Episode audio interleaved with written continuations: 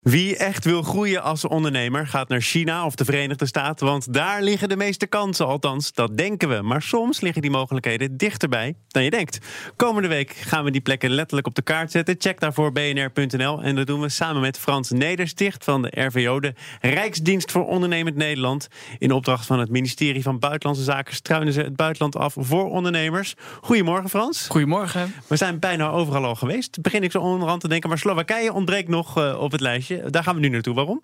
Uh, nou, ja, er ontbreken nog een paar landen ja, in Europa. Komen klopt, we vanzelf aan toe? Daar komen we vanzelf ook nog op de komende maanden.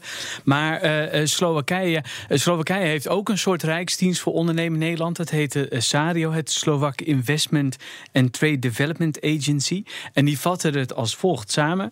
het is een strategische locatie midden in het hart van Europa. Politiek-economisch stabiel. stevige economische groei. interessante voorwaarden voor investeringen in, in onderzoek en ontwikkeling. Uh, en, en dat is voor vandaag interessant, uh, een heel hoog uh, percentage van mensen met een relevante vakopleiding, middelbare beroepsopleiding. Hier spreekt wel het PR-bureau van Slowakije, toch? Ja, ja, je zou het zeggen van wel, maar het is, heel, het is ontzettend interessant. En we gaan het vandaag over auto, auto's hebben, de automobielindustrie.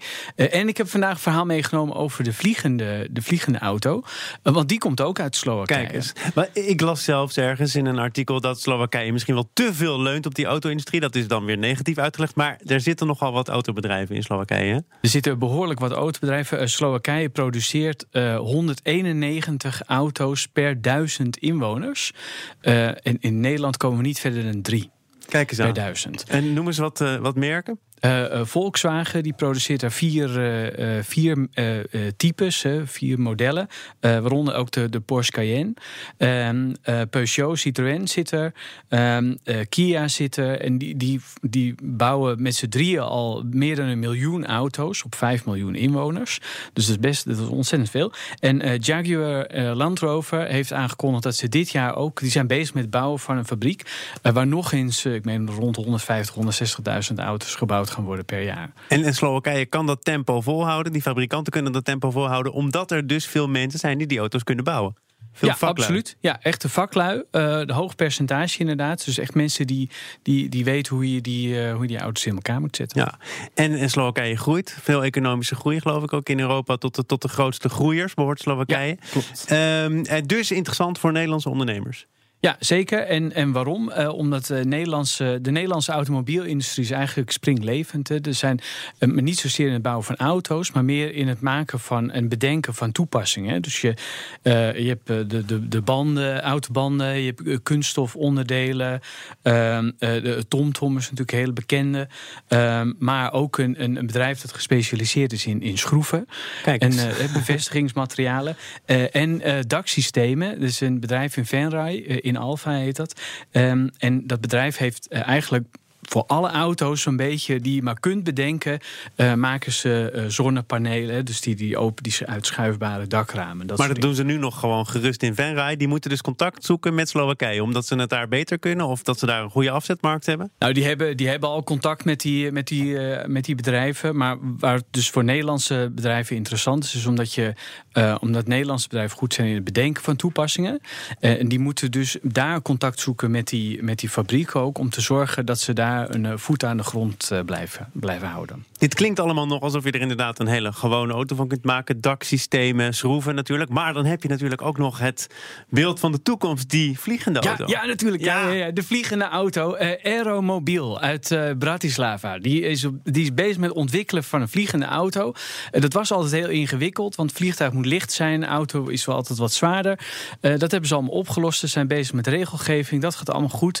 ze hebben een prachtige conceptauto's, streep vliegtuig bedacht. Ja, een concept, en, uh, dan lukt het allemaal nog wel met die vliegende auto. Maar ja, daarna. Ja, maar uh, deze, ze verwachten dat ze in 2000, dat ze volgend jaar dat ze bestellingen kunnen gaan opnemen. En dat ze het jaar erop kunnen gaan leveren. Uh, dus ze zijn echt heel dichtbij. Ze worden ook door de internationale autopers gezien als een van de grote kanshebbers om echt die barrière tussen rijden en vliegen een keer te gaan slechten. Er is en, concurrentiestrijd gaande, hè? want er zijn meerdere consortia bezig met die vliegende auto, geloof ik. Maar Slowakije maakt dus een goede kans. Slowakije, ja, om, zeker natuurlijk omdat ze echt de mensen hebben die dus weten hoe je zo'n ding moet maken. het is tech, het is ook echt innovatie. Ja, dus, dus het is, een, het is inderdaad innovatie, het is mechanische industrie. Er zijn echt mensen die, die weten hoe je zo'n ding, hoe je zo'n ding moet bouwen. En dat, gaat, dat lijkt er hartstikke goed uit te zien. Dus um, je moet wel een grote portemonnee hebben. Dat, ja, maar dat is altijd in de, in de aanloop is dat zo, maar dat wordt steeds goedkoper en bereikbaarder over, voor de Over twintig jaar vliegen wij allebei in een, in een rijdend vliegtuig. Ja, naar Slowakije misschien wel. Ja, uh, en, en als je daar een, een, sprong wil wagen, wat moet je dan doen als Nederlandse ondernemer? je, kunt, je kunt in dit geval het beste even contact met ons opnemen via uh, social media. Je kunt ook direct schakelen met de ambassade in, in Bratislava, in de hoofdstad van, van Slowakije. En we hebben ook in Den Haag bij de Rijksdienst voor Ondernemen Nederland nog een, ontzettend goede business development coach zitten.